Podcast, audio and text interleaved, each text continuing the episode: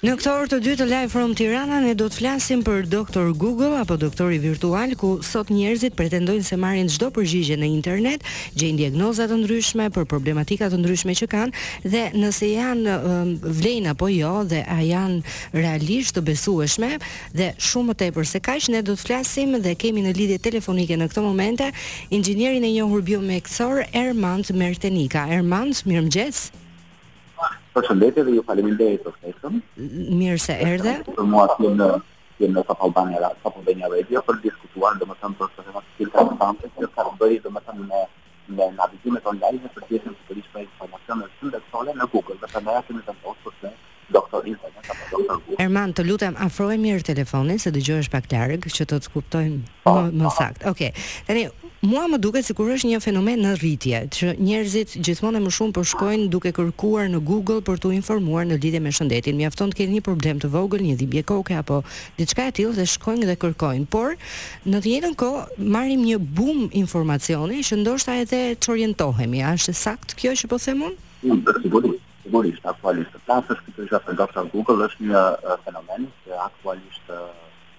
Kjo ka të bëjë pikërisht pra me zhvillimin e botës së IT-së, me zhvillimin e rrjeteve sociale. Mirë, më duhet ta ndërpresim Ermand, më duhet ta ndërpresim, të lutem rregullo edhe një herë telefonin që të kuptohemi sepse dëgjohesh shumë larg.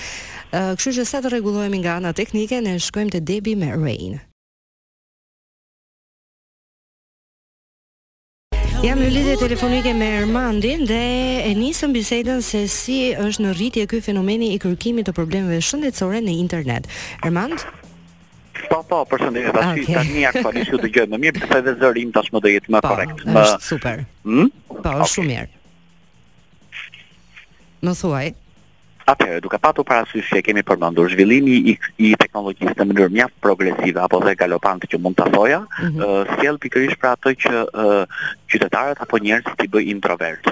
Që do thotë pikërisht pra ne, ne e humbim aspektin e socializimit dhe kthehemi pikërisht pra te aspekti unë dhe telefoni, unë dhe interneti, unë dhe Google.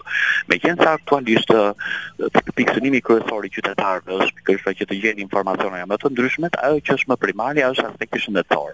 ku pikërisht pra të gjithë jemi të interesuar të gjejmë problematika shëndetësore, qoftë ato problematika që janë mjaft të lehta, domethënë dhe ato që janë më akute. Dhe mm. menjëherë ne çfarë bëjmë? Shkojmë tek Dr. Google ose tek interneti që e kemi thënë në mënyrë virtuale se kjo është kthyer dhe një kryefjalë globale gjatë të cilës të gjithë e kanë konsideruar dhe mediat e mëdha si New York, The New York Times dhe Guardian që flasin pikërisht për doktor Google, ëh, mm -hmm qytetarët pikërisht përpara se të shkojnë në facilitetet mjekësore apo në në një mjek real, fillimisht drejtohen në platformën Google, e cila është një platformë që përmban informacione dhe goxha të bollshme, gjerë e gjatë, domethënë, por përfshihen brenda gjithashtu edhe spekulacione, sepse si mund të themi, ë të flasësh domethënë, të flasësh domethënë pikërisht për këtë, po. do të thotë që mund të gjejmë informacione gjithashtu edhe të sakta, por dhe të gabuara. Mm -hmm. E vetmja gjë që ne pikërisht pra duhet të orientohemi në këtë platformë është që të gjejmë ose të selektojmë faqe të cilat janë vetëm mjekësore, sepse tek faqet mjekësore ne mund të gjejmë diskutime racionale dhe korrekte midis mjekëve gjithashtu dhe pacientëve të tyre, për eksperiencat, për patologjitë, për diagnozat të cilët kanë pasur, apo për diagnoza të tjera, apo diskursot të tjera që kanë pasur dhe i kanë gjetur zgjidhje. Mhm. Pra, unë duha, unë desha të them këtë, që Dr. Google, ose ky mjeku virtual, është, nuk është se është uh, i pasaktë, por uh, ajo që pikërisht pra ne duhet të bëjmë ose sensibilizimi jonë fillimisht dhe së pari është që të Dimë se ku të gjejmë këto informacione. Realisht ka disa faqe të cilët janë mjaft të sakta për të gjetur informacione korrekte në lidhje me problematikat shëndetësore. Mm -hmm. Të cilët unë desha t'i përmend. Po, cilat janë ato? Këto janë international websites, kuptohet, që janë në English. E para faqe është Healthline, Healthline është një faqe ndërkombëtare gjatë të cilës është e saktë. Por që do të thotë, ëh, mm ëh, mm -hmm. më fal që të ndërpres, por kam përshtypjen që të gjitha këto faqet që ju përmendët, janë në gjuhën janë anglisht dhe kam përshtypjen që jo të gjithë mund të mhm. kenë një akses aq të kollajt për të marrë një informacion. Sigurisht, por fillimisht përpara se të shkojmë, domethënë ke kjo pjesë edhe ke gjëja më kryesore që desha ta them, është pikërisht pra që këto faqe kanë këto janë disa faqe që janë të rang kuara të parat në Google mm -hmm. në aspektin shëndetësor dhe pikërisht pra janë kredibël, janë faqe të besueshme, po. siç kemi Healthline, që unë e përmenda më përpara, është një faqe shumë e saktë. Një tjetër është WebMD, Web Medical. Është faqe precize mjekësore që ka informacione të sakta, qoftë për patologjitë e lehta, gjithashtu edhe për ato apo patologji të cilët janë më akute, por që diskursot janë mjaft të bollshme. Ë ajo pikërisht pra që unë desha të nënvizoj këtu, që mos merret parasysh është fakti që ne nuk duhet të marrim ë medikamente me konsultën e doktor Google ose medikamente të mhm. cilët jepen jo me konsultën e mjekut, se siç e dimë pikërisht pra një mjek real ose një kirurg apo një doktor ka bërë maksimalisht po themi gjashtë deri në dhjetë vjet shkollë edhe janë më të specializuar pikërisht pra në këtë aspekt. Që do të thoja, si mesazh sensibilizimi qytetarët, të cilët kanë pikërisht pra një problem të caktuar mjekësor, e cila aktualisht nuk po progreson, mm -hmm. që do të thotë nëse në, nëse ne jemi në Dr. Google dhe kemi një problem të lehtë dhe ky problem me anë të rekomandimit të Dr. Google mund të evitohet, atëherë është okay. Por nëse kemi një problematikë e cila për një muaj, dy muaj apo tre muaj nuk shikojmë ndonjë përmirësim, atëherë duhet pikërisht pra të drejtohemi në mjekun real. Pra dhe kjo është shumë e rëndësishme. I cili, po, i cili realisht do japë diagnozën e saktë. Se çfarë ndodh me këtë doktorin e famshëm që thënë doktor Google? Më duhet të të ndërpres për pak, do të shkojmë tek disa miq, do të shkojmë në publicitet, qëndro në linjë dhe do të rikthehemi sërish. Mirë? Jemi duke folur për Dr. Google ose kërkimi online për informata mjekësore që në fakt mund të jetë një burim i dobishëm, por gjithashtu është e rëndësishme që të konsultohemi me një mjek për diagnozë dhe trajtim të saktë dhe këtë sapo na e tha Ermandi, i cili është në lidhje telefonike me ne. Dhe Ermand, më duket se nga të paktën ato informacione që un kam parë, pati një rritje të njerëzve anembanë botës në kërkimin e pikërisht informacioneve të ndryshme që kanë lidhje me shëndetin gjatë pandemisë. Finlanda ishte në krye, po. Mhm. Kjo ishte sigurisht mjaft e logjikshme sepse siç e për, siç e kemi përmendur dhe jemi mjaft koshient, domethënë në periudhën e pandemisë, ë uh, ishte pikërisht ajo ishte pikërisht aspekti i izolimit ose domethënë në sensi që nuk nuk ishim ishim të detyruar pikërisht për të qëndronim brenda. Mm -hmm. Dhe duke patur parasysh që pandemia pikërisht pra ishte ishte një një problematik madhore gjatë të cilës realisht filloi të merrte shumë jetë njerëzish, kuptohet pikërisht pra që njerëzit filluan të bënë një self diagnostikim, domethënë self diagnostik, të diagnostikoshin vetë. Mm -hmm. Dhe pikërisht pra, ky ishte një problem, si mund ta thuash një thikë me dy presa, sepse të vetëdiagnostikoshe, të, të, diagno, të diagnostikosh pikërisht në një sistem shëndetësor, është një diametral i kundërt, sepse uh, qytetarët filluan që të merrnin informacione nga më të ndryshme se si uh, pikërisht pra mund të merrnin diagnostikimin me terapi oksigjeni, mm -hmm. pa u konsultuar fillimisht pikërisht me një mjek uh, reanimator apo pikërisht pra për të marrë saktësinë e duhur. Kuptohet, domethënë, kjo ka qenë një problematikë që këtu filloi të përdorej gjithnjë më tepër doktor internet apo doktor Google. Ë uh, kuptohet, domethënë që unë dua ta kaloj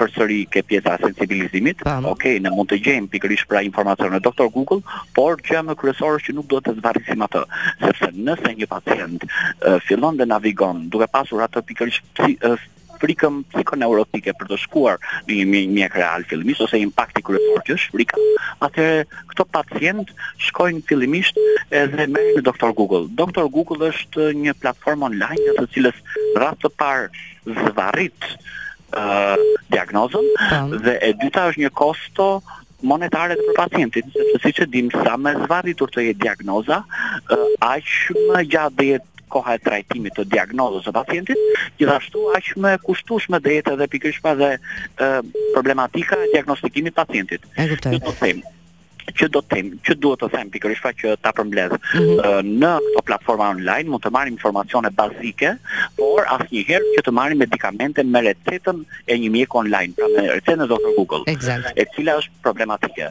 Recetat mjekësore merren vetëm nga mjekët real ose mjekët pikërisht pra ose apo ekspertët specialistë të fushës. Një tjetër pikërisht që unë nuk dua që ta evitoj është pjesa e botës së telemjekësisë, që kjo është shumë ë më ë utilitare dhe e përdorshme realisht. ë Telemjekësia është e lidhur mjaft ngushtë me botën online, me, me sistemin e IT-s, me Google-in etj etj. Por në raport me Doktor Google, mhm. telemjekësia ka të bëjë pikërisht me komunikimin e një pacienti me mjekun real në rrugë virtuale, mm -hmm. që do të thotë një mjek, le të marrim një rast konkret. Nëse kemi një mjek profesionist apo specialist në Tiranë, i cili pikërisht pra do japë një diagnozë të caktuar në një zonë rurale të largët në Shqipëri. Kuptohet, lidhja duhet të bëhet me anë të botës së internetit, duke pasur parasysh që ka një një shpejtësi të mirë të internetit, një kamerë, një kompjuter apo një laptop etj etj dhe ky pacient do komunikojë pikërisht pra me anë të mjekut. Një pacienti t'i instalohet një monitor pacienti, i cili është një pajisje mjekësore mjaft e rëndësishme, e cila aktualisht monitoron vlerat vitale apo jetike të pacientit, siç është ritmi kardiak, siç është ë niveli i oksigjenit, siç është niveli i dioksidit të karbonit, edhe pulsi dhe me anë të monitorit të pacientit një mjek real i cili ndodhet në rrugë virtuale në një qendër spitalore mund të perceptoj mm -hmm. në pjesën sipërfaqësore një problematikë që ky pacient ka. Në dhe mund të japi pikërisht referencën për të marrë medikamente. Nëse problematika e pacientit nuk ë uh, domethënë nuk zgjidhet, atëherë pikërisht pra është problemi është situata tjetër që ky pacient duhet të drejtohet menjëherë në mjekun real. Pra, A është thikë me dy presa kjo Erman sepse duket shumë e bukur që ti komunikon online me mjekun dhe ndoshta edhe për dikë që është i pamundur fizikisht e ka më të thjeshtë të komunikojë në këtë lloj forme se sa të shkojë në në në një qendër shëndetësore. Por, a është një thikë me dy presa sepse ndoshta mund të vëresh një problem të vogël, por nëse unë po mendoj dikë që është më i thyer në moshë dhe ka problematika dhe të tjera dhe vërtet mund të ketë një shqetësim të caktuar, por ai ka një kompleks gjërash, a është e mundur që t'i japi mjeku në këtë lloj forme një opinion të saktë, një diagnozë të saktë? Me anë të rrugë, me anë të pikërisht pra të rrugës së telemjekësisë ose telehealth system, kjo mund të jetë, domethënë është më e besueshme se sa doktor Google, sepse një mjek real aktualisht e vlerëson gjendjen e tij sipërfaqësore se ku mund të jetë problematika, duke i dhënë një apo dy këshilla apo për të marrë një apo disa medikamente të cilat mund të puthen pikërisht me patologjinë që ka.